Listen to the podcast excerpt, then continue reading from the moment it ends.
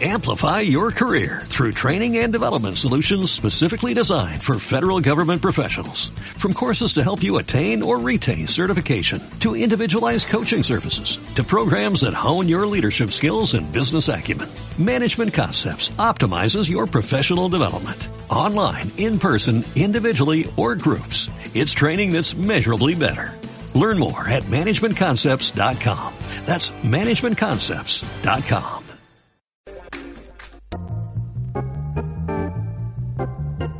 Si ets un addicte a la bona música, gaudeix de la millor a Ràdio Ciutat Vella. Ràdio Ciutat Vella, 100.5 FM.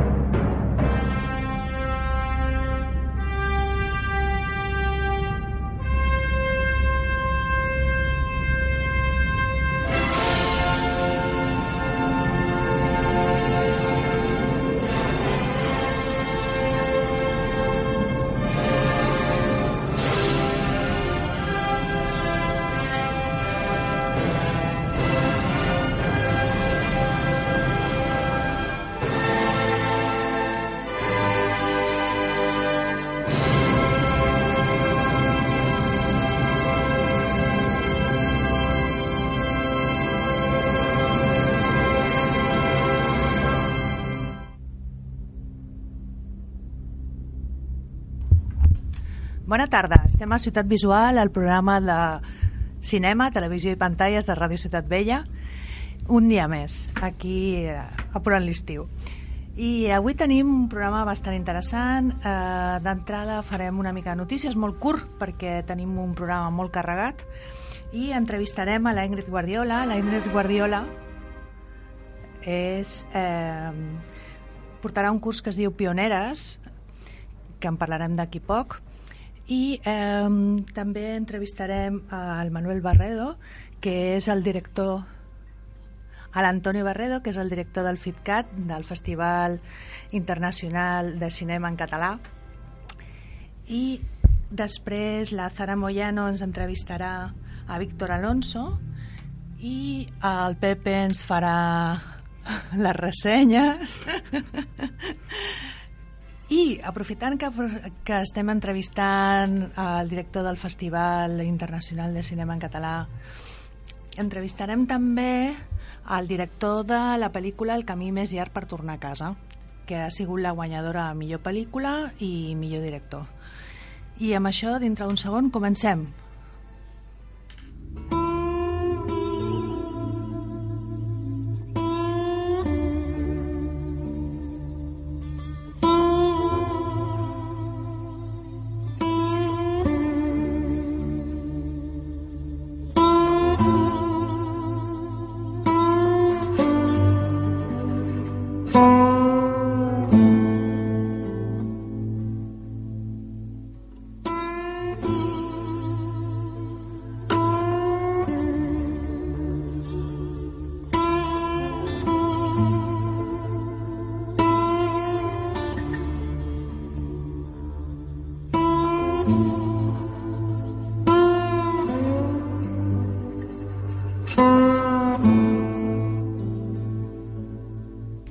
Hola, aquí estem a Ciutat Visual, el programa de televisió, cinema i pantalles de Ràdio Ciutat Vella, amb la Ingrid Guardiola, que ens parlarà del curs que donarà, que es diu Pioneres.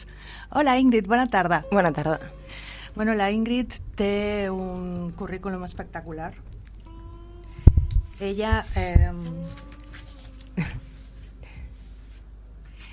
De fet, és professora de tendències de la televisió contemporània a la Pompeu Fabra i de nous formats televisius, documental creatiu i creació audiovisual a, a la Universitat de Girona. També és documentalista, programadora i productora cultural al CCCB i programadora del cinema Trufó de Girona. I l'estem entrevistant per aquest curs molt interessant que comença al juliol. Explica'ns una mica. Doncs mira, aquest curs que és, és, està dedicat a les pioneres del cinema l'hem dividit en quatre sessions, el 7, el 8, el 14 i el 15 de juliol, i cada sessió està dedicada a un àmbit professional del cinema eh, des de la perspectiva femenina tenim l'àmbit de les cineastes, l'àmbit de les guionistes, l'àmbit de les muntadores i l'àmbit de les actrius. I una mica el curs parteix d'una investigació que vam fer amb, amb, amb la Marta Sureda, les dues també impartirem el curs, avui no ha pogut estar aquí, però les dues som responsables, i amb, amb la Marta Sureda vam fer una exposició al Museu del Cinema, precisament dedicat a, a aquest tema, a les pioneres del cinema des d'aquestes quatre perspectives. Llavors al CCCB els hi va semblar molt interessant tot el material que vam generar a partir de l'exposició i ens han convidat a, a que expliquéssim una mica això, aquestes, aquest, aquests quatre àmbits en aquestes quatre intensives sessions. Uh -huh. I explica'ns una mica, o sigui, eh, les dones han estat des de sempre associades al cinema? Les dones hi eren, el que passa que la historiografia no les ha recollit. Llavors, el, per exemple, el, el, és molt, la història sempre s'explica d'una forma molt simplificada eh, perquè la gent pugui entendre-ho, sobretot, eh, i perquè els historiadors puguin orientar-se. Llavors, en els orígens del cinema, per, mm, posem el cas de les muntadores, la majoria eren dones, i això és una cosa que no s'ha explicat, perquè s'equiparava la tasca de muntatge amb la tasca de les costureres. Llavors, quan va entrar el, el so, ja es va equiparar a un, un ofici tècnic i la majoria van, van desaparèixer. O en el cas de la, del, del, de la direcció, hi havia personatges com Alice Guy o Lois Weber, que no només eh, eren importants pel fet de, de ser les primeres, les primeres dones cineastes, sinó perquè van fer aportacions a nivell de llenguatge cinematogràfic molt, molt importants. I nosaltres recollim una mica les, les pioneres, però anirem, anirem avançant a, amb el temps. Cada bloc, diguéssim, que té la seva pròpia historiografia, per exemple, en el, en el cas de les cineastes, partim de les pioneres i després ja ens en anem a les cineastes més experimentals, però en el cas de les guionistes ens quedarem als anys 50, ho hem, ho hem dividit així. I en el cas de les muntadores també travessarem una mica tot, tots aquests 100 anys d'història del cinema, i en el cas de les actrius, com que és el perfil més visible, el que farem serà fer mm, una interpretació, diguéssim, dels estereotips que el cinema ha donat a veure eh, bueno, en relació a les, a les dones. Estereotips com el de la, dona, el de la perfecta eh, dona de casa, el de la, el de la fem fatal, el de la pin-up, en fi, tota una sèrie de, de, això, de, de, de simplificacions al voltant de la dona que, que, que hem pogut testimoniar tots i totes des de, des de les nostres butaques. Molt bé. Eh, em sembla superinteressant i he vist que, a més, té un preu molt assequible aquest curs, realment. Són 45 euros i 30 euros amb tot tipus de descomptes. El preu el marca la casa, vull dir, aquí uh -huh. nosaltres no, no, no hi tenim res a dir, però sí. I una cosa que volia comentar, perquè avui hi ha una, en relació a Ciutat Vella, avui fan una, a la mostra de cinema de dones, a la Filmoteca fan una sessió molt especial, que és uh -huh. la caiguda de la dinastia Romanov, de l'Esfir Shub, que és una de, les, una de les primeres cineastes muntadores russes, que treballa amb material d'arxiu i que testimonia aquesta fi de la dinastia Romanov i que es podrà veure avui a les 7. Jo, per als, pels oients, crec que és una dada molt interessant i una oportunitat única perquè no, aquí a Barcelona no s'ha vist mai i no crec que es torni a veure mai. Torna'ns-ho a dir, quina pel·lícula és? La caiguda de la dinastia Romanov. Molt bé, aquesta la fan a la Filmoteca a les 7, no? Sí. I després a les 10 crec que hi ha també una projecció a l'aire lliure, oi? Sí, hi haurà, sí. Uh, jo no porto el programa, però és una pel·lícula que va estar molt premiada a Sitges i, i que l'han recomanat per tot arreu. Jo no l'he vista, però, però he sentit coses molt bones. Bueno, aquesta projecció a l'aire lliure pels oients la fan a la plaça Salvador Seguí, o sigui, a la plaça de Filmoteca, al Raval, a les 10, i està dintre de la secció Panorama Internacional i es diu Ser de Luz, de Didiana Toucedo, i també A Girl Walks Home Alone at Night, d'Anna Lini a Mirpur. Ah, mira, jo, jo em referia a la segona, però la de la Diana, la Diana és, és, és també una muntadora, una gran muntadora de cinema, i, i mira, ella era cineasta. o sigui que, que ens congratulem de que hi hagi tota aquesta visibilitat de, de les dones que han estat amagades tant el temps. Explica'ns una mica de, del tema de muntadores, això que dius que eren, no? que d'alguna manera pensaven en aquest ofici com si fossin cosidores. Sí, no? clar. Estem parlant d'una altra, una altra, altra època del cinema, que es muntava amb celuloide, es muntava a la taula materialment, enganxant i, i, tallant i enganxant d'una Tallant- forma li literal. O sigui, era molt manual. Molt manual, extremadament manual. Llavors, eh, també des d'una perspectiva una mica este estereotipificada, doncs les dones són més delicades en aquest tipus d'oficis.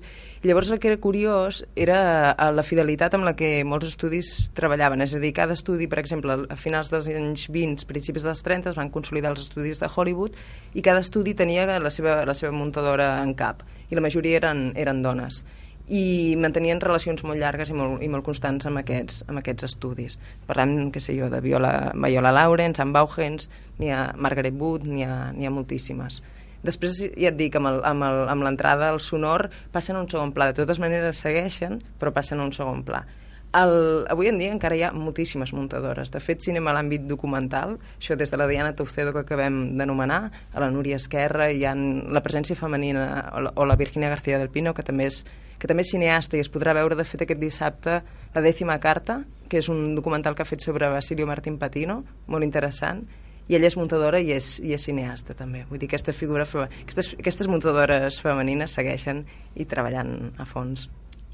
Bueno, de fet, eh, tu creus que potser es pensava que era un ofici femení perquè era un ofici de, mm, com molt eh, precís i de tenir moltes manetes no? i de tenir molta paciència, sobretot, no? Sí, hi ha una escena molt, molt, molt curiosa amb, amb Martin Scorsese, amb la Thelma Schoonmaker, que és la seva muntadora, que es, eh, que es veu aquesta, aquesta santa paciència que en, encara amb el digital i tot, eh, eh, que han de tenir les dones, no? perquè sempre s'ha entès el director com el gran ideòleg, el creador, i elles estan allà pacientment rebent les ordres i configurant aquests relats. Són importantíssimes, perquè la muntadora no, no té un paper inactiu, sinó que és precisament la que, la que dona forma al relat i la que tradueix les ordres dels, del cineasta o la cineasta en, en, en, en un llenguatge audiovisual comprensible per la gent. Hi ha una altra escena també molt, molt interessant de, de Jean-Marie Straub i Daniel Uller, que eren matrimoni i eren parella, parella en l'àmbit del cinema i se'l veu a ell també cridant com un boig, eh, teoritzant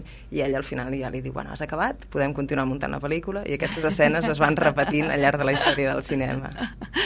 Sí, a més, bueno, en, en, de fet, en tota la part de documental jo diria que una muntadora té un, una part molt creativa, no? Perquè, Totalment.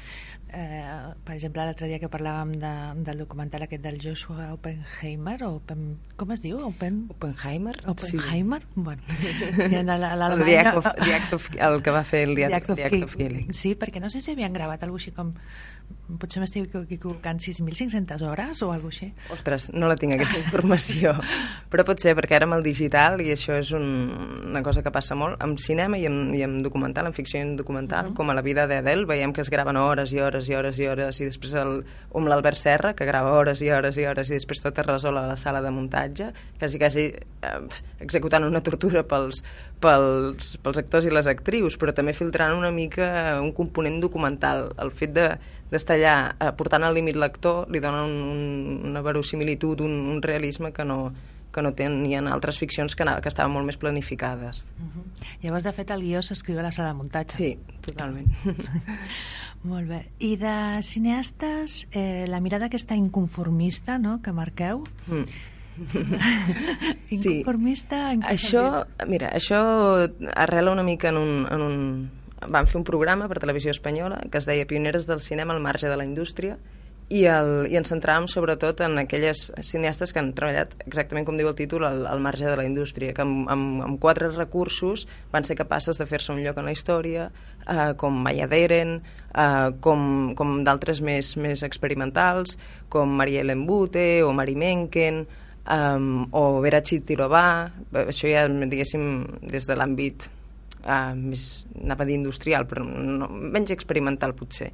Uh, i sí, inconformistes en el sentit de que inconformistes perquè no es, no es quedaven tancades a casa quan no hi havia diners perquè sempre ha passat això, quan hi ha molts diners a les dones, és una constant que ens hem trobat. Quan entren els diners les dones sempre queden a, un, a un segon pla inconformistes en aquest sentit més material i inconformistes en, en, a nivell de discurs. Podem veure l'Agnès Bardà, per exemple, que parla de temes com l'avortament, que, que són temes eh, molt delicats i sense cap mena de pudor ho mostra. O Gumbor Nelson en una obra que es diu Esmerguns, en la qual fa una crítica a la mirada que es dona a la dona des de la, des de la publicitat. Molt bé. Pues, eh, per mi ens quedaria mirar una mica perquè com a actrius jo crec que sí que té més visibilitat i sí que és cert que tenim més en el cap no? aquests estereotips femenins però des de la banda de les guionistes sí que per mi és més desconeguda, potser. Sí, és, és que les muntadores i les guionistes sempre a l'estar a la recàmera són perfils molt més invisibilitzats, però també des dels orígens del, del cinema, sobretot des dels anys 20, eh, s'establien tàndems creatius molt, molt interessants entre guionistes i actrius, per exemple. Eh, hi ha moltes guionistes com Jun, Jun Mathis, per posar un cas, que treballava amb la, amb la Lilian Guix, eh, amb la Mary Pickford, d'una forma molt estreta. I, i també Jun Mathis i altres, i altres guionistes van ajudar a dibuixar personatges femenins molt més complexos. És a dir, és, és important que existeixin aquestes, aquestes guionistes femenines també a l'hora de, de, de dibuixar i dissenyar els, els personatges. O pensem en una Mae West, que controlava tot el procés creatiu de l'obra, interferint també en el, en el propi guió. Uh -huh. Bueno, de fet, jo crec que aquest, aquesta connivència continua existint, eh? perquè conec moltes actrius, no miro ningú, oi a Zara, que tenen tendència a parlar amb les guionistes o els guionistes no? per intentar que el seu paper sigui una mica més eh, menys estereotipat no? i tingui més matisos. Exacte. Bueno, doncs t'agraïm moltíssim que hagis vingut. Esperem que la gent s'animi a fer aquest curs que crec que és molt necessari per donar visibilitat a totes aquestes dones que han estat el cinema i que continuen sent i encara que en minoria, no? perquè encara som molt minoria dintre de lo que és el cinema. L'altre dia van sortir estadístiques i continua sent una mica patètic mm -hmm. la quantitat de dones que hi ha productores, directores, etc. Mm -hmm. I que cobren menys quan treballen. A sobre. I bé, t'agraïm moltíssim que hagis vingut i esperem veure't una altra vegada. Moltes gràcies, Ingrid. A vosaltres. Adéu. Adéu.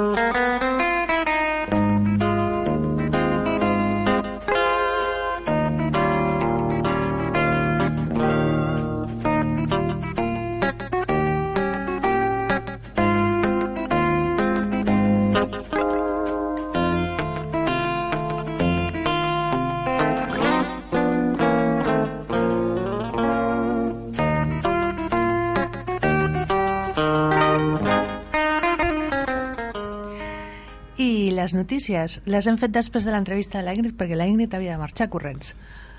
Pepe, bo, tenim pues, avui... Bo, com bo. acaba de dir la Eva al principi, eh, notícies n'hi ha poques, llavors eh, en farem dues. O sigui, la primera, nova convocatòria de l'alternativa eh, professional. L'alternativa professional llança una nova convocatòria per l'assessorament personalitzat de projectes en desenvolupament amb la finalitat d'afavorir la seva viabilitat. Les assessories són una trobada amb professionals internacionals de l'audiovisual. Tindran lloc al CCCB el, pro el proper 20 de novembre de 2015 en el marc del 22 Festival de Cinema Independent de Barcelona l'Alternativa, però us heu d'inscriure ja. Per això donem la notícia. Els projectes poden estar en fase d'escriptura, preproducció, producció o postproducció. La convocatòria finalitza l'1 d'agost de 2015. Teniu un mes i pico. Correu. Cultura impulsa Digital Juny per projectar Barcelona com una de les capitals de cultura di digital d'Europa. El programa Digital Juny és una iniciativa per posar en valor i donar visibilitat a la concentració de festivals i trobades internacionals sobre cultura digital que té lloc al llarg del mes de juny a Barcelona.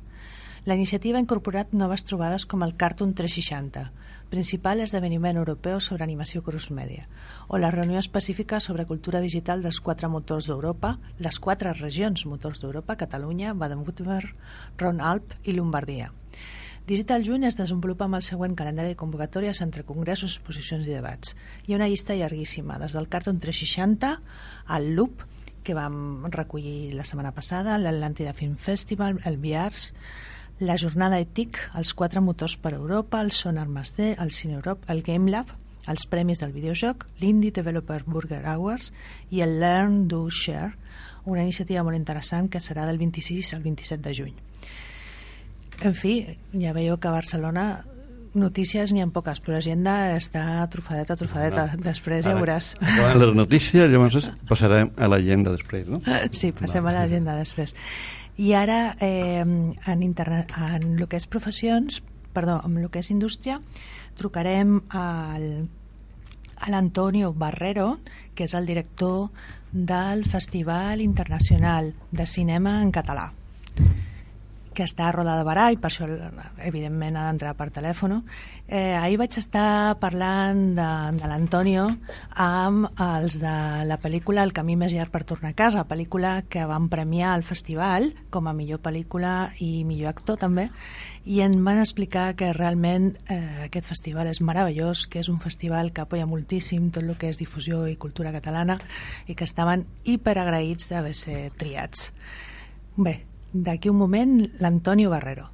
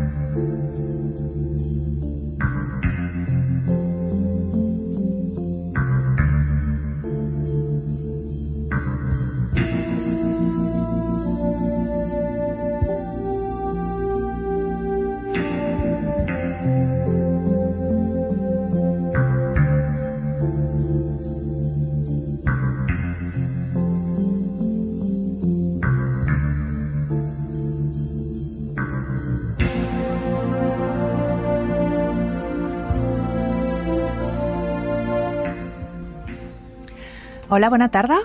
Hola, sí. Hola, bona tarda. Estem amb l'Antonio Barrero, director del Festival Internacional de Cinema en Català. Antonio? Sí, què tal? Hola, com estàs? Bona tarda. Moltíssimes, Bona tarda. moltíssimes gràcies per atendre'ns. I ara al contrari, gràcies a vosaltres. Ahir vaig estar parlant amb l'equip de la pel·lícula aquesta, El camí més llarg per tornar a casa, que és la pel·lícula a la que li vau donar premi a millor pel·lícula i també premi al millor actor protagonista, crec. Uh -huh, efectivament, sí, aquest, aquesta va ser la decisió unànime del, del jurat. I em van parlar molt, molt i molt bé d'aquest festival teu. Bueno, tractem a la gent amb carinyo i és, el, és un festival fet de, eh, amb tot el cor, tot el carinyo i tothom que passa per aquí, doncs sí, realment s'endú aquesta impressió de que eh, els tractem bé, de que intentem portar-los de la mà a tot arreu i que se sentin còmodes i que visquin el festival internament i a més a més en tot el que pot oferir-los al poble i el, tota la costa del, de la Costa Daurada, doncs tot el que està al- a la base que els hi podem oferir intentem, intentem fer-ho, sí. Uh -huh. Quantes convocatòries porteu del festival? Hem fet ja vuit, vuit edicions consecutives. Molt important. I, Sí, sí. I consideres que està consolidat? Com ho Jo veus? penso que sí, que el festival ja ara ja és conegut arreu. El festival ja ha estat treballant d'una forma dura i mm, amb coherència, amb un ideal molt clar, que és el, el, la presència del, del català, i penso que després de vuit anys puc dir que sí, que amb tota la xarxa que hem establert de contactes, de relacions, de, de, de, de lligams amb diferents festivals i, i de la manera en què ens movem i, i la percepció que tenim és que el festival ja està molt consolidat i a més a més any rere any creix el nombre de produccions que entren a concurs. Uh -huh. Quantes teniu actualment? Eh, en aquesta edició hem rebut 306, 306 produccions. Uh, déu nhi Sí, per ser un, un àmbit, evidentment, mai, mai podrem arribar a un gran nombre, però tenint en compte que la premissa o, o l'ideari del festival és que totes les produccions que arriben han de tenir una presència important del català, uh -huh. doncs clar, això del mercat diríem que queda reduït. Uh -huh. Però tot i així, any rere any anem, anem construint, anem, anem treballant, estem sempre molt en contacte amb les universitats, escoles de cinema, perquè el nostre festival no només va adreçat a la gent professional, sinó també a la gent amateur, uh -huh. la gent que comença, estudiants, i també en el ben entès que tenim mm, diferents modalitats on tothom s'hi pot trobar el seu espai, el seu racó. Molt bé. I um, qui, quin seria el fet més destacat d'aquesta passada convocatòria? Mm, Bueno, el fet d'haver-la dedicat a la interpretació, que ha estat l'eix central, l'eix motiu que ens ha, ens ha dut a treballar bàsicament eh, la taula rodona, la, el premi, una mica l'èmfasi que hem fet a la presència d'actors i actrius i directors de coach, directors de producció. Bàsicament ha estat aquest, el fet del, del tenir la presència importantíssima. Hem tingut unes 60 persones mediàtiques que han desfilat per l'Estora Vermella des de que vam començar dimarts fins diumenge, i això per un festival, que, un festival obligat a un poble petit, però que evidentment té vocació de ser internacional, és important, és important. Comparativament, algú m'ho deia, salvant la distància, evidentment, però hem tingut més mediàtics nosaltres que Canes, salvant Carai. la distància. Eh? És a dir, a nivell del cinema català, gairebé hi ha passat tothom aquests dies per roda. Molt bé. Digues alguns noms, va que som alguns, eh, alguns noms d'aquests que han passat per la catifa vermella, doncs, que som, exemple, som una mica mitòmens aquí. Per exemple, la Aina Clotet, uh -huh. per exemple, la Montse Germán, uh -huh. el Juanjo Puigcorbé, uh -huh. Eh, tot l'equip, no vull estar de sacar-ne cap nom per damunt d'un altre, tot l'equip de l'altra frontera, uh -huh. després el Lluís Minyarro, l'Àlex eh, Ballori, l'Ariadna Gómez, uh -huh. eh, Mercè Rovira, eh, és que sem, sem, en, fi, en fi, el més maco del cinema català. Sí, sí, bàsicament. Després també Montserrat Carulla, l'Albert Soler, la Mireia Eixalà, el Pere Ponce, l'Agustí Villaronga, la Isona Passola, Judit Colell, Jordi Cadena... Eh, sí, tothom. La... El, el who is who. Sí, sí, la, la Marina Gatell, la Marina, la Marina Comes, eh, el, el, eh, o sigui que li podem dir als oients que per l'any que ve han d'anar a Roda de Barà. Sí, evidentment, sense cap mena de dubtes. A més a més, tenim una cosa que ens fa diferents també. Totes les projeccions, uh -huh. totes són gratuïtes, excepte la inauguració i la colenta, que sí que cal tenir invitació. Per la resta d'actes i projeccions tothom pot accedir lliurement. Uh -huh. Home, doncs molt, molt interessant, perquè a més a més eh, jo crec, per lo que m'han dit també, no? Que en el que és interpretació eh, realment el cinema català té un nivell molt alt. O sigui, sí. tenim molt bons actors i molt bones actrius. Sí, això ho reivindico, és a dir, aquí a Catalunya hi ha molt talent, moltíssim, moltíssim. L'únic problema és que és que la indústria, doncs, bueno, no hi ha indústria, n'hi ha molt poca. La poca que hi havia des del govern central se l'estan carregant amb aquest tira cultural i amb les poques subvencions i ajuts que hi ha, eh, hi ha molt poca indústria, però puc dir-te que talent, i en 8 anys ho he constatat, n'hi ha molt, i aquí hi ha històries molt potents, gent que s'aventura moltíssim, perquè tot i no haver diners, la gent li dona la volta al tema i fa produccions més petites, amb menys pressupost, però arriba a fer, bueno, per exemple, aquesta amb la que has començat tu parlant, la pel·lícula mm -hmm. El camí més llarg per tornar a casa, no és una pel·lícula, una no és una gran superproducció, però té els elements suficients com per fer-la molt atractiva i per mi aquest és l'encant del nostre cinema, que amb pocs recursos crea històries potentíssimes que arriben arreu. I en aquest sentit mm, hem d'incentivar, hem d'ajudar, hem de, d'una manera o altra, no, no podem deixar que, que el pessimisme ens, eh, ens faci abatre o que ens faci perdre objectius de mira i de, de cara al futur. Tenim, tenim un futur important i només que poguéssim remuntar una miqueta aquesta crisi maleïda aquí tenim cinema de projecció internacional i s'ha demostrat, s'ha demostrat i per tant cal continuar ajudant a la gent jove, incentivant-la que treballi en català i que, i que faci cinema, perquè finalment lo de la llengua sí que és important, però si la història és potent i la història té ganxo, la llengua és un element més, el cinema és imatge i per tant la llengua mai ha de ser, mai ha de ser frontera, al contrari, ha d'obrir fronteres si la pel·lícula és bona. Clar. Bueno, de fet, nosaltres, eh, parlant amb aquesta gent no, del camí més llarg per tornar a casa, eh, hem quedat que trucaríem pel mòbil al Sergi Pérez, uh -huh. que està avui una mica taulat, perquè el Sergi Pérez, el director, eh, avui, les dijous, avui dijous a les 10 té una projecció al Cinema Boliche amb sí, col·loqui posterior. Ho sé, ho sé. I, I el pobre era com i quan, quan dius que em trucaràs? Dic, no, no, abans, abans de tot això. Val? Anem a provar... Em deixo un segon en música, aviam si, si podem contactar amb ell i, i podem parlar tots tres. Estaré encantat de tornar-lo a saludar perquè és, és un encant, el Sergi. Sí?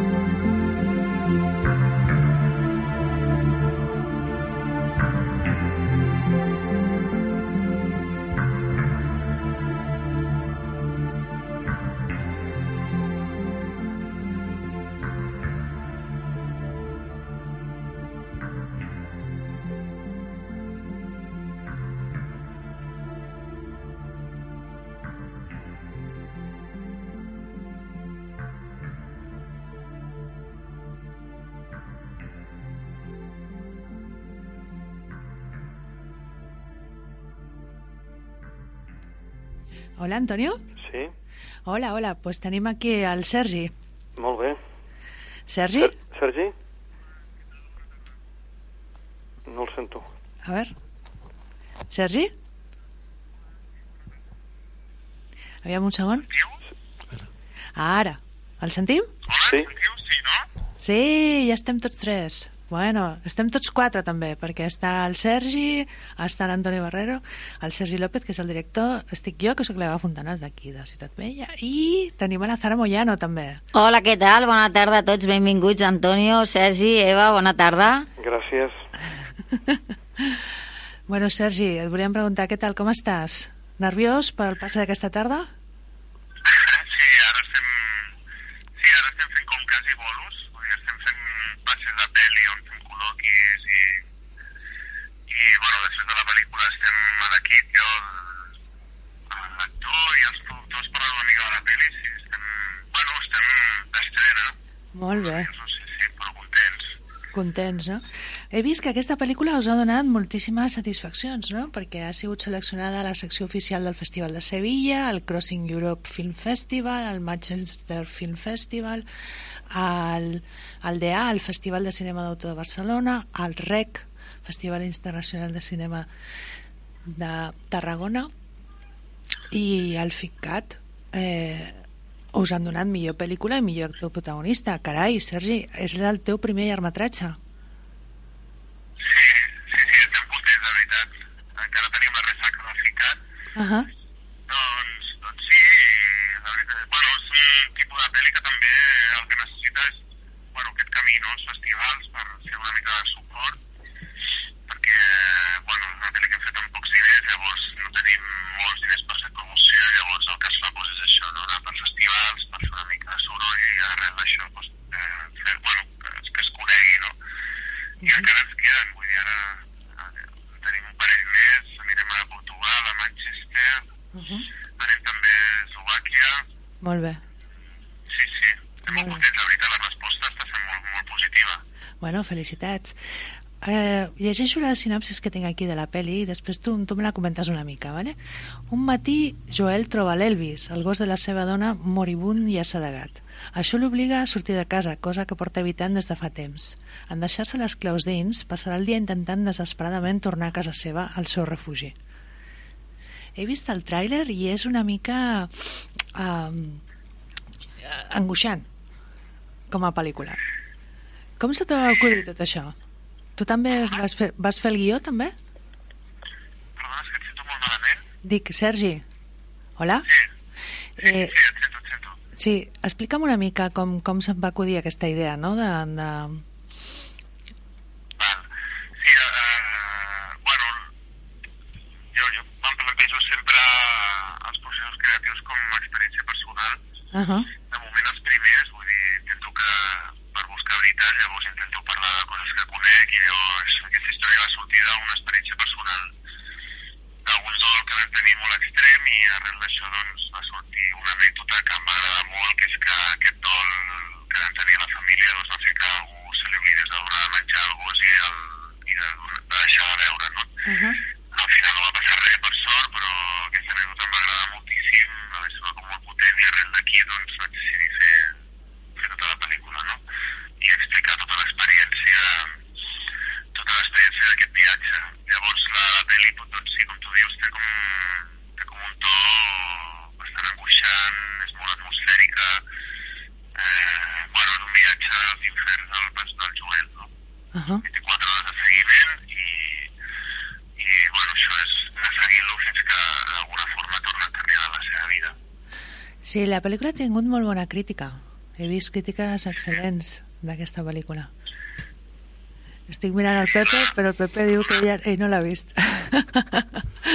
Hola. Sergi? Sergi? Sí, sí, que m'estava dient que ha tingut bona crítica. Sí, que ha tingut molt bona crítica. Bueno, escolta, eh, pues res, t'agraïm moltíssim que hagis participat, val? Molt bé. I un dia t'entrevistem aquí en directe quan tornis als teus bolos per Manchester i per tot arreu. I tant. Pues moltíssimes gràcies. Doncs gràcies a vosaltres i perdoneu, eh? No sé què passa que us escolto molt lluny. Però sí, encantat de venir. Molt bé. Gràcies, Sergi. Fins ara. Antonio? Sí, sóc aquí. Perdona, no sé si li volies dir alguna cosa al Sergi? Bueno, saludar-lo. Eh, Ha estat, com te deia, un encant ell i l'equip, el, el passe pel FICAT, a més a més van fer un col·loqui molt interessant amb la gent del públic al final, i hem estat encantats de tenir-los aquí perquè això també a nosaltres com a festival ens interessa molt aquest cinema així d'autor proper en el que la gent després pot preguntar, interessar-se per la història, el que els ha motivat per això mateix que tu li preguntaves amb ell. No? Tot això doncs, ho vam poder explicar amb calma amb el final de la pel·lícula i va ser molt enriquidor i per tant era agrair-li el, el seu pas per aquí. Uh -huh. Perquè a més a més va venir amb el Borja Espinosa i tot l'equip i el, Sí. el productor, l'Arit Sirvian, vull dir, tot Uh -huh. plegat va ser molt, molt interessant. Sí, l'Aritz és una persona que hem entrevistat aquí ja un parell de vegades perquè realment té molta empenta. Uh -huh. Sí. No sé si encara ens sents. Sí. Sergi? Ah, el- jo sí, sí. I el Sergi? No, ja no. Vale, doncs pues ja està. Molt bé. pues, eh, escolta, Antonio, t'agraïm moltíssim que ens hagis atès i esperem... Te deixo un segon amb la Zara que et vol comentar un parell de cosetes D'acord. i, Molt bé. i jo ja em retiro. Hola, Antonio, bona tarda. Hola, què tal, Sara? Bueno, res, com, com et deia la Eva, agrair- agrair-te moltíssim eh, la teva intervenció. Jo crec que estàs fent una feina molt, molt important. Fins ara jo crec que a lo millor ha costat una mica que se'n donessin, se n'adonessin, ens adonéssim de, de que tenim un festival que en cinema en català, que això es pot exportar a molts, que és, que és molt molt important i que, bueno, que rebis, jo crec, l'atenció que et mereixes, tota la feina que estàs fent. Doncs, bueno, agraeixo moltíssim les teves paraules perquè, a més a més, això, tu i els mitjans com el teu, que es fan ressò, ens ajuden.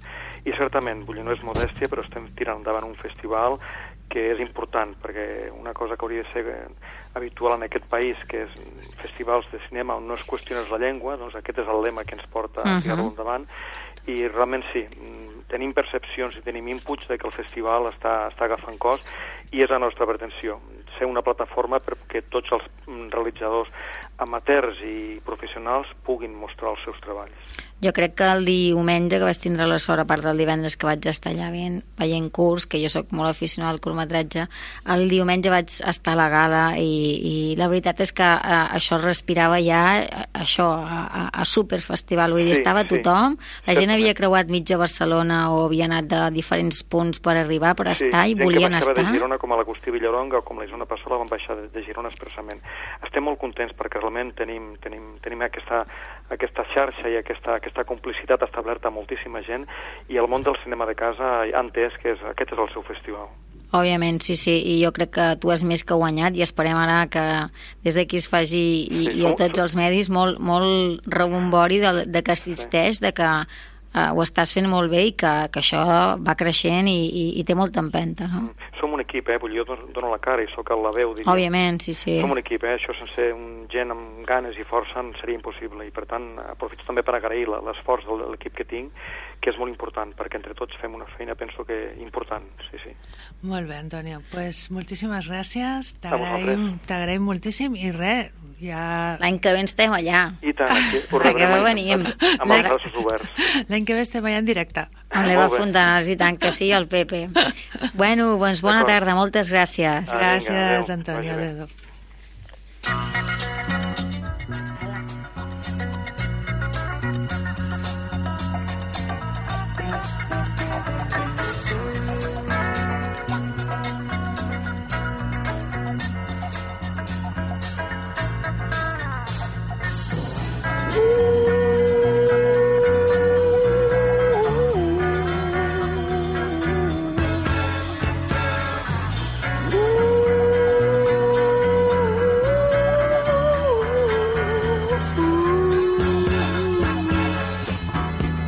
The third brother of five, doing whatever I had to do to survive. I'm not saying what I did was alright. Trying to break out of the ghetto was a day-to-day fight. Being down so long, yet nothing crossed my mind.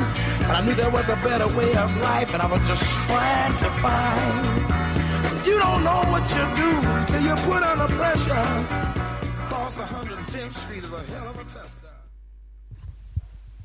Hola, bona tarda. Soc la Zara Comoyano i com cada dijous estic aquí a la secció d'Emergents Avui entrevistant el Víctor Alonso.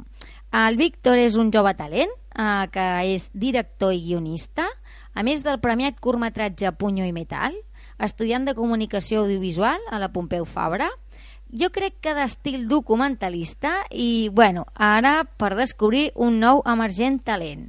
Bona tarda, benvingut. Hola, bona tarda.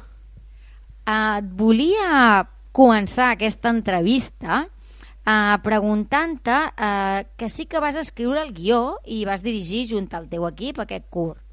Tot i que en part és com un fals documental. Això ens pots explicar una mica si es guionitza, no, com va? Bé, mm, Puño i Metal no és un fals documental.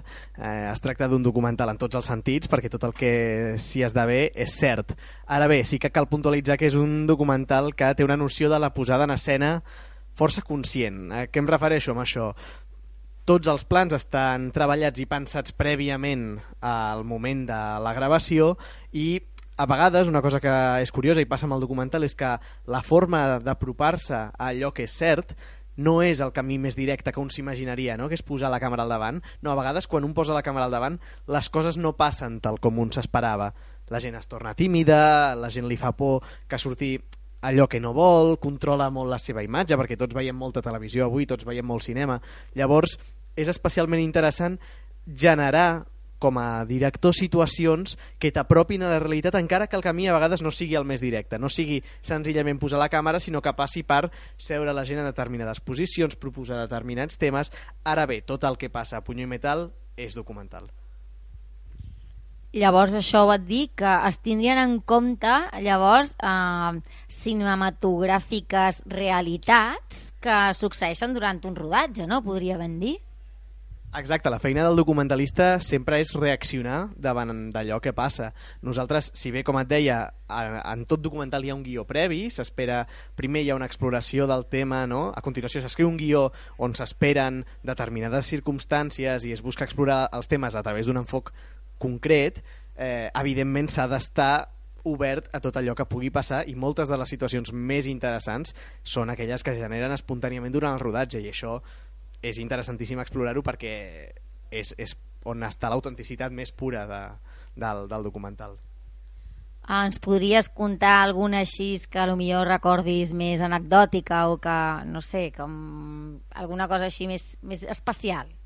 Bé, el lloc on s'esdevé el nostre documental és una mena de gimnàs clandestí fins a un cert punt, és un lloc que es diu Xatarraspales, està a Sant Adrià del Besòs i existeix de debò. Llavors nosaltres, aquest és un lloc que està molt mediatitzat, eh, té molta presència a les xarxes socials, és molt popular. Nosaltres volíem donar un enfocament una mica diferent explorant les vides d'alguns dels nois que hi van allà sense apropar-nos a una estètica televisiva. La televisió ja hi havia estat, perquè allà hi ha hi han hagut baralles clandestines en, en altres èpoques, etc. i llavors callejeros i aquest tipus de programes ja ho havien explotat. La gent estava molt alerta davant d'aquestes circumstàncies. Llavors la nostra primera feina com a documentalistes va ser fins a un cert punt guanyar-nos la seva confiança, aconseguir que les persones que allà estaven sabessin que nosaltres no érem com tots aquells locutors i presentadors de televisió que havien anat allà a visitar un dia i marxar, sinó que preteníem quedar-nos un temps, acompanyar-los i presentar-los tal com eren, sense emetre un judici posterior.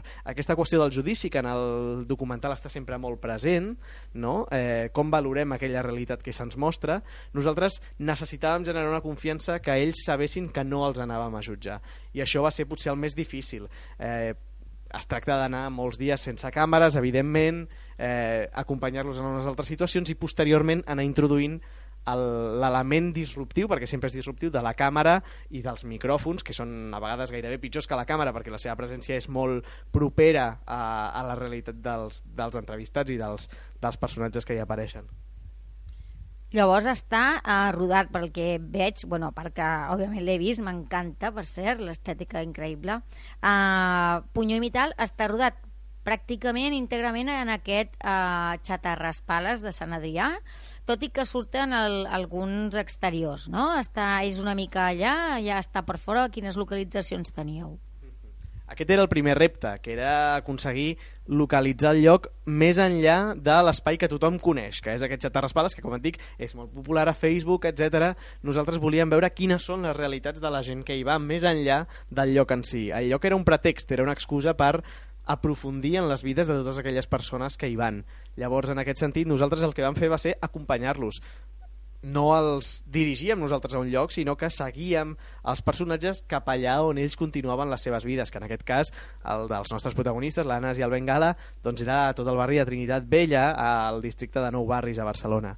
Un cop som conscients d'aquesta realitat, a nosaltres com a documentalistes ens interessa buscar localitzacions que siguin especialment cinematogràfiques, com deies tu abans, dins d'aquest àmbit. Doncs nosaltres sí que vam forçar, si cal motivar mmm, que determinades converses que s'esdevindrien igualment, potser en lloc d'un banc, tinguessin lloc en un altre, perquè nosaltres ens interessava més el pla, allò que és vella, allò que... però sempre treballant dins dels marges del que és la realitat. És això manipular? Bé, és el que deia anteriorment, a vegades el camí per apropar-se a la realitat, a allò que l'espectador percep com a realista, no sempre és el de fer les coses tal com sortirien de manera natural, s'han d'introduir alguns elements. Això passa en tot el cinema, en el documental i en la ficció, per descomptat. Sí, no, per mi, òbviament, és un documental en tota regla. Sí que et comentava, i volia per això que t'ho he preguntat abans, lo de fals, perquè, clar, molta gent eh, pensa, bueno, aquesta gent eh, eh, eh, costaria apropar-se i que millor parlessin com parlen tan desinhibidament de, davant de la càmera dels temes que parlen o de les... No? Pues hi ha moments de baralla, moments de crítica eh, de religió, d'ètnies, vull dir, aquí es toquen diversos temes molt peliagudos i que, clar, no penses, bueno, això millor està forçat o no, no? Però està bé perquè així ens aclareixes també una mica tot el que ha sigut el, el, el rodatge, no? Uh, sí que sé que, com, uh, com bé deies, els, per mi no actors, el Javi García Roche, Anas Ibn Youssef, el Bengala i Juanito Lee, que per cert, increïbles, uns més que altres, però Quarteto Maravilles, què tal van col·laborar durant el rodatge? Vull dir, què tal això de treballar amb no professionals? Bé, són professionals de lo seu, diguem-ne, que en cada, eh, no són professionals de l'actuació, però, però són gent que té molts mèrits en molts altres àmbits. Llavors, en la mesura en què la nostra funció era senzillament retratar la seva realitat, nosaltres no, mm, no buscàvem que ells haguessin d'actuar, que ells haguessin de tenir dos interpretatives. Era, és quelcom que ni es planteja. Nosaltres, al contrari, el que busquem és despullar-los de tot allò que ells puguin posar entre la càmera i ells.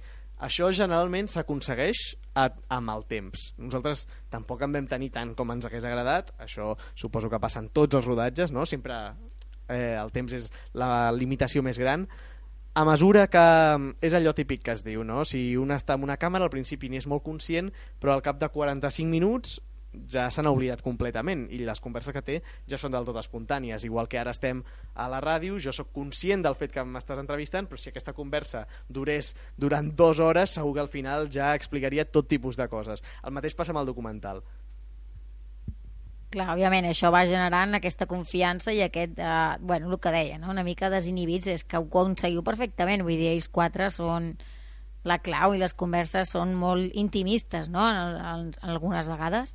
No perfectament. Eh, si he de ser autocrític, eh, també veient el documental més cops, jo sí que crec que hi ha punts que ells són encara conscients del fet que hi ha una càmera i els temes que estan introduint mm, són, són conscients del fet que estan sent gravats. Això és una cosa que, com jo dic, amb més temps crec que encara s'hagués diluït més la frontera. En aquest sentit, els nostres referents, aquells artistes, directors que estan molt lluny de nosaltres, que, que fan les coses molt bé. Parlo d'Isaki La Cuesta, La leyenda del tiempo, per exemple, de Mercedes Álvarez al cielo gira. Han fet documentals que amb una estètica observacional, com si no passés res, alhora estan generant trames profundes però amb una naturalitat absoluta per part de la gent que hi apareix. Aquest és el repte d'un determinat tipus de documental, que no vol dir que tots els documentals hagin de ser així, així hagin de ser transparents i no t'hagis de donar que hi ha una càmera és un determinat tipus de documental que nosaltres era en aquest cas el que estàvem intentant fer. Bueno, jo crec que són, com bé dius, estils diferents. Igualment, i en tot cas, jo et dic ja, com a actriu, és molt difícil que una persona, i més no del medi, no tregui la idea mentalment de que no li estan gravant, òbviament. jo crec que molt particularment la tens més, més incrustada, quasi diria, no?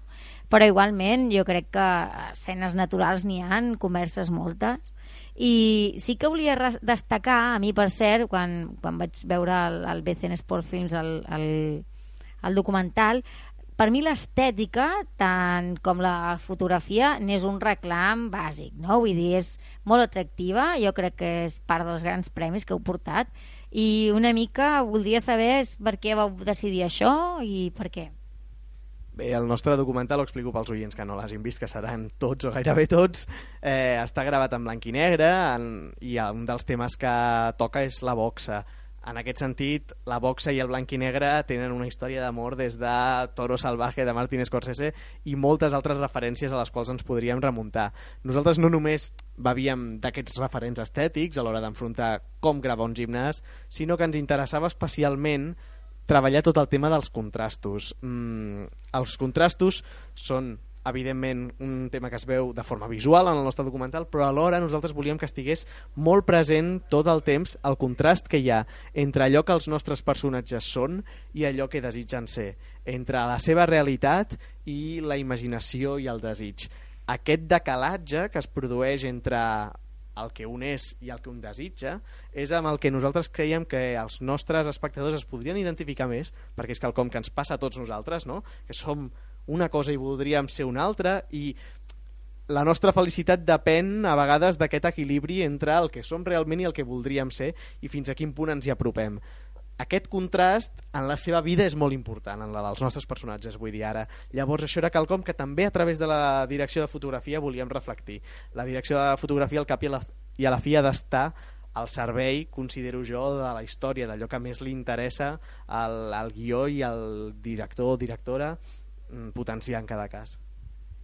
Sí, jo crec que de fet, a part, és el que dius, no? a part de que uh, estèticament va molt, està molt vinculat al blanc i negre, al, al boxe, pues, clar, vull dir, és una manera també de com de, de, de deixar aquesta imatge romàntica una mica que té de conjunt, no? A la part de que, bueno, és molt cinematogràfica, guanya moltíssim, jo penso, no? és com és, és la duresa dels blancs i dels negres, no? el contrast, el que tu deies, no? són valors que després s'ajunten molt en la història, no? es barregen molt. D'això ha fet que Punyó i Metal tingui premis eh, tant de nova autoria al Festival de Sitges, Festival Uinu, Barcelona Visual Sound, eh, va estar seleccionat al, al, al Short Catalana Films Àsia, Europa, Amèrica del Sud, ha participat en molts festivals, a Turquia, el Short Film Festival de, de Inonu University, vull dir, per tot el món, vull dir, jo crec que és, a més, heu escollit una, un esport molt multinacional, vull dir, això eh, eh, toca internacionalment a tothom. Eh, llavors, després de veure aquests premis, aquest grup, aquest equip que sou, esteu ja pensant en algun projecte nou? Teniu, esteu treballant en alguna cosa? Bé, evidentment, estem tot just acabant la carrera i si alguna cosa tenim són projectes. Això no vol dir que tinguem els mitjans per fer-los i a vegades ni tan sols el coneixement, estem començant tot just. Llavors, eh, evidentment, tots aquests premis i seleccions ens, ens han animat molt a fer altres coses, però ara mateix el projecte en el que estic treballant és força, força diferent. De fet, eh, s'allunya molt d'aquest to observacional del que parlava abans d'aquesta transparència. Es tracta d'un documental que el tema que aborda és el llenguatge polític, per tant, completament diferent a, a la boxa Sant Adrià del Besòs, per dir-ho d'alguna manera. És un documental que aborda el llenguatge polític i com les paraules que treballem, amb les paraules que utilitzem diàriament, connoten la nostra forma d'entendre la realitat de la mateixa manera que no és el mateix parlar de minijobs que de treball precari, per exemple, o de violència masclista que de violència de gènere, eh, no, les paraules condicionen com ho entenem tot. I aquest és un tema que estem explorant a través de no només entrevistes, sinó un seguiment de l'actualitat política al nostre país per veure com entenem la realitat a partir d'allò que ens diuen i què ens volem creure i on hem d'elaborar i marcar el nostre propi criteri. Un tema, per tant, molt diferent, que no té res a veure. Bueno, molt diferent, però a la vegada com molt social, molt ficat també en... molt, molt realista, molt d'ara, gens ficcional i, i, i d'estil, jo crec, documentalista, com et definia al principi, jo crec que molt eh, observant aquesta realitat que ens envolta, bé sigui en un espai com Sant Adrià o pot ser al carrer mateix, no? Uh, sí m'agradaria llavors, si teniu aquesta visió tant de les paraules i, i bueno, una mica el que estàs comentant, com veus tu el panorama com a jove director, uh, ja no al cinema, sinó una mica tot, però molt uh, íntegrament en el que vols dedicar-te? Quin paisatge veus? T'aniries? Et quedaràs? Què faries? Bé, és un moment especialment difícil per les produccions cinematogràfiques de tot tipus eh, a Espanya i a Catalunya en particular, no només les de, els pressuposts, les grans produccions són especialment difícils d'aixecar, més que mai, aconseguir finançament, sinó que s'ha produït una pèrdua enorme de tot aquell terme mig que hi havia de pel·lícules que tenien un pressupost mitjà, no molt elevat, però alhora s'aprovaven al seu públic. Avui en dia ens trobem amb moltes produccions d'un pressupost mínim sembla que estiguem parlant de diners i que el cinema sigui quelcom molt car, no? Molt sovint es fa una crítica a les subvencions que es reben en el sector de la cultura.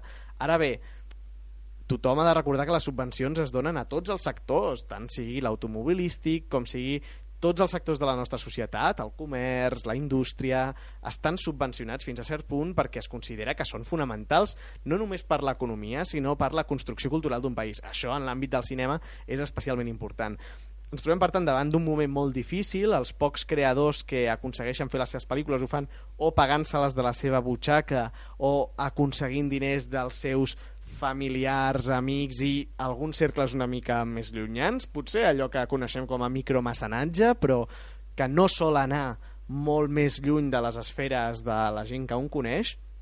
Per tant, és una situació difícil. Tots aquells que som joves ho encarem com sense alternativa, perquè mai hem viscut una altra cosa. Eh, ens sorti, sortim en aquest àmbit i no hi ha una alternativa possible.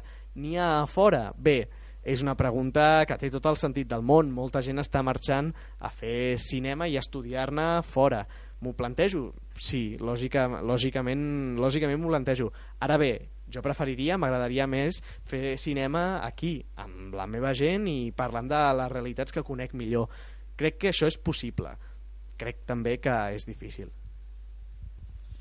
Molt bé, doncs eh, jo crec també com tu que és difícil, també crec que és possible, d'això van estar parlant la setmana passada al monogràfic que van tindre de curtmetratges, van tindre membre de distribuïdores, productores, l'Agustí Argelic, la festivals com el Mèdic de Menorca, eh, una mica de representant els diferents, no? eh, les diferents parts que, com, que comporten això del cinema, ara ja més en, encara la part del curtmetratge, no? que és una mica el, en primera instància el que es dedicarà un primer director o, o, una primer, o el primer contacte no? llavors és, van comentar exactament el mateix vull dir, és difícil, hi ha poc, costa molt i com comentes això es basa molt en, en el, quasi diria l'autopropulsió, la, l'energia i ja que sé, està molt motivat amb el teu projecte per, per tirar-ho endavant. Uh, de totes maneres, està bé que tinguis una visió almenys una mica esperançadora de dir, bueno, jo crec que em quedaré, tot i que marxis, que tornis, i res, uh, agrair-te moltíssim que hagis estat avui aquí amb nosaltres, Um, sí que m'agradaria que la pròxima vegada que tinguis algun projecte o algú tornis per aquí a explicar-nos. I bueno, et desitgem el millor i, i no sé, moltes gràcies per haver vingut. Perfecte, segur que tornarem per aquí. Moltes gràcies a, a Zara. A tu, moltes gràcies Víctor. A desert road from Vegas to nowhere. Someplace better than Hola, bona tarda. Aquí a Ciutat Visual, Eva Fontanals, ara fem l'agenda. L'agenda està hiperplena i només en podem dir un parell de coses perquè si no no tenim temps ja per les crítiques del PP. Molt bé, doncs mira, començam. Eh, comença la 17a edició del Festival de Cinema Jueu. Sota el lema Cinema obertament, del 16 al 21 d'aquest mes tindrà lloc la 17a edició d'aquest festival. La primera pel·lícula que es projectarà i que inaugurarà el festival és el documental L'encrucijada, de Àngel Sanz Briz. Aquest documental recrea la proesa d'aquest diplomàtic aragonès a partir de testimonis de companys, parents i fins i tot de persones salvades per la seva, per al seu noble impuls, com és el cas del recordat Jaume Jaime Bandor, L'encrucijada de Àngel Sanz Briz. El seu metratge recull la vida i la gesta d'aquest home, de l'Àngel Sanz Briz, encarregat de negocis de l'ambaixada d'Espanya a Hongria durant l'ocupació nazi. Gràcies a la seva tasca heroica i desinteressada, més de 5.500 jueus es van salvar de ser deportats als camps de concentració d'Auschwitz i Bergen-Belsen. Aquesta és la història de milers de salvats i un salvador. Serà el dimarts 16 de juny a les 19 hores a l'Institut Francès de Barcelona i la presentació és a càrrec del director i de Jordi Palou Loverdós, director del Memorial Democràtic de Catalunya. Per veure la resta de programació www.fc o sigui, Festival de Cinema Jueu eh, amb les inicials fcjbarcelona.org Ok. Ara anem a la 23 Mostra mm, Internacional Films de Dones de Barcelona. Val. Hi han dos espais on s'estan fent les diferents pel·lícules, del 10 al 16 de juny a la Filmoteca de Catalunya, a les 19 hores sempre, hi han quatre seccions grans, el cinema militant de l'Helena Lumbreras, que serà en tres sessions, el 10, el 13 i el 15 de juny, també les pioneres soviètiques, de les quals ens ha parlat abans la Ingrid, el 12, l'11, el 12 i el 14 de juny, el panorama internacional del 10 al 16 i curtmetratges experimentals, una selecció d'obres del catàleg de Maca, que té moltes obres de videoart del 10 al 16 de juny. I també l'altre espai on es faran les pel·lícules és a l'obert a les places de Barcelona, del 9 de juny al 7 de juliol. Llavors, l'11 de juny, o sigui, avui, a la plaça Salvador Seguí, que és la plaça de Filmoteca al Raval, tindrem de la secció del Panorama Internacional Ser de Luz, de Diana Toucedo, i A Girl Walks Home Alone at Night, d'Anna Lili Amirpur. Dijous 18 a les 22 hores a la plaça Sant Pere de la Ribera, Cortos en Femení 2014, i el dimarts 7 de juliol a les 22 hores, plaça Sant Pere de la Ribera, el gran vuelo de Carolina Estudillo. Pues res, us hi esperem. Bo, pues fins aquí l'agenda de l'11 de juny d'enguany, de, 2015. I una mica de música i anem a les crítiques. It was a teenage wedding and the old folks wished him well. Um, Dale Duro eh, és una pel·lícula dirigida per Ethan Cohen i amb els actors eh, Will Farrell y Kevin Hart. Um, la sinopsis es la siguiente. cuando el millonario Jane King eh, Farrell le condenan a ingresar en prisión por un delito que en realidad no ha cometido, contratará los servicios de quien le limpia el coche a la vez delincuente habitual para que le enseñe cómo ha de comportarse para sobrevivir en la cárcel. Uh, Dale Duro és una d'aquestes comèdies americanes per veure en grups d'amics mentre es mengen crispetes rient els acudits i desgràcies d'un personatges que generalment es fan passar per llestos triomfadors i a la vegada són enganyats i en freqüència ridiculitzats per tots aquells amb els que es relacionen al seu voltant.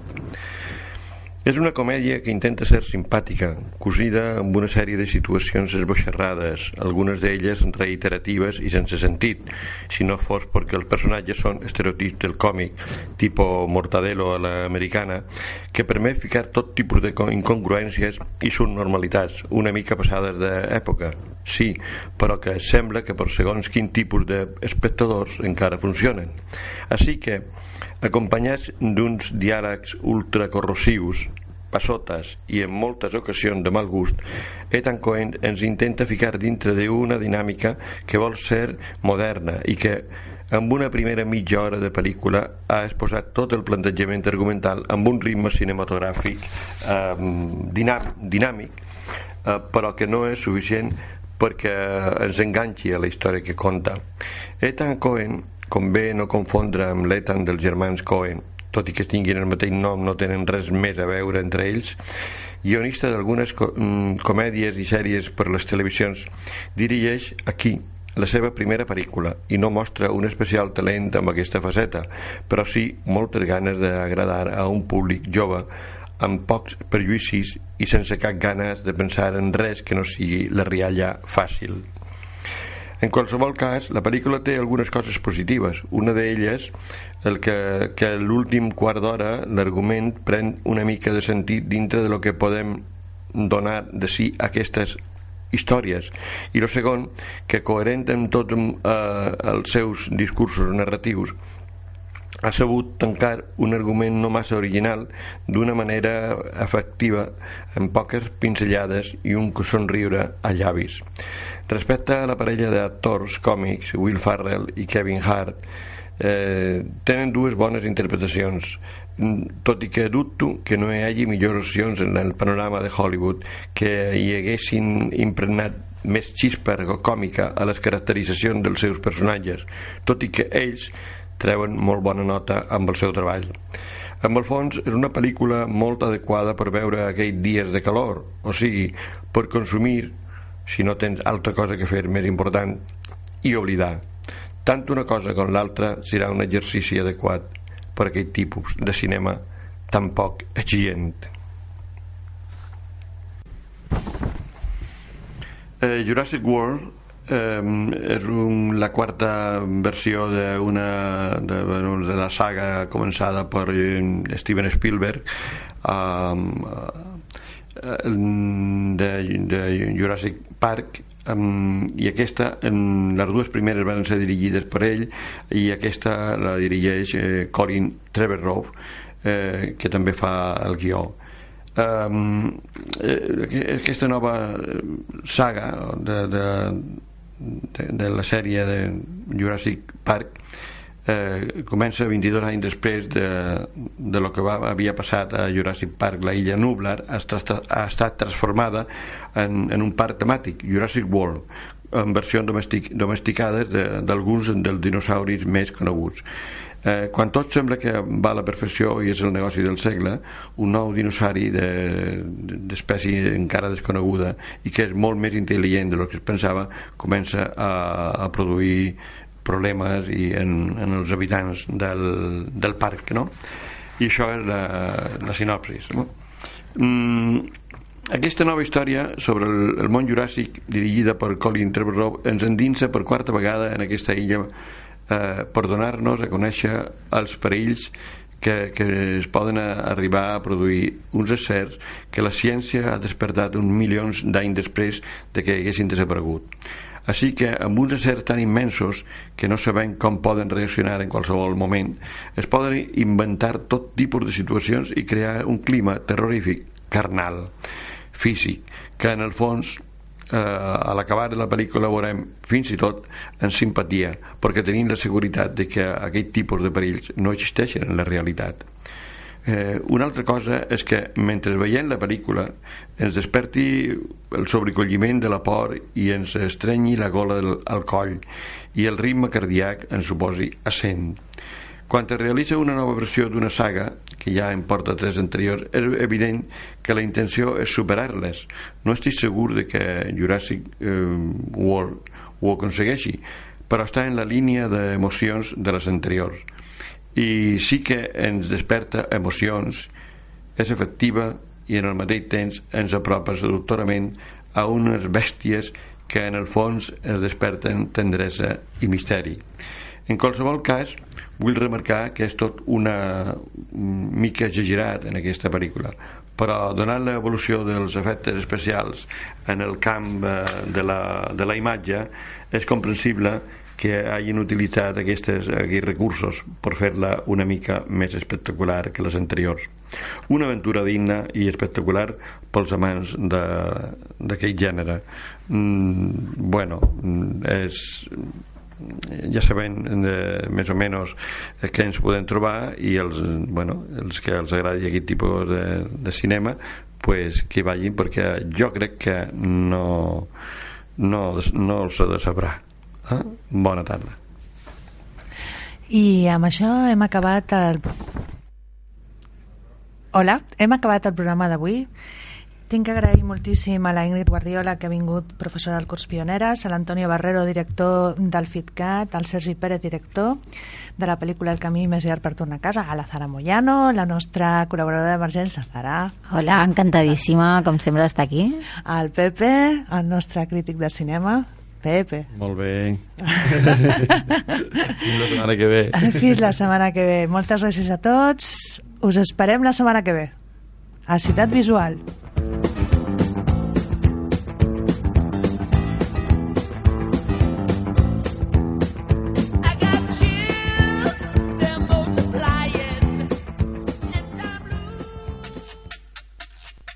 Esteu escoltant Ràdio Ciutat Vella.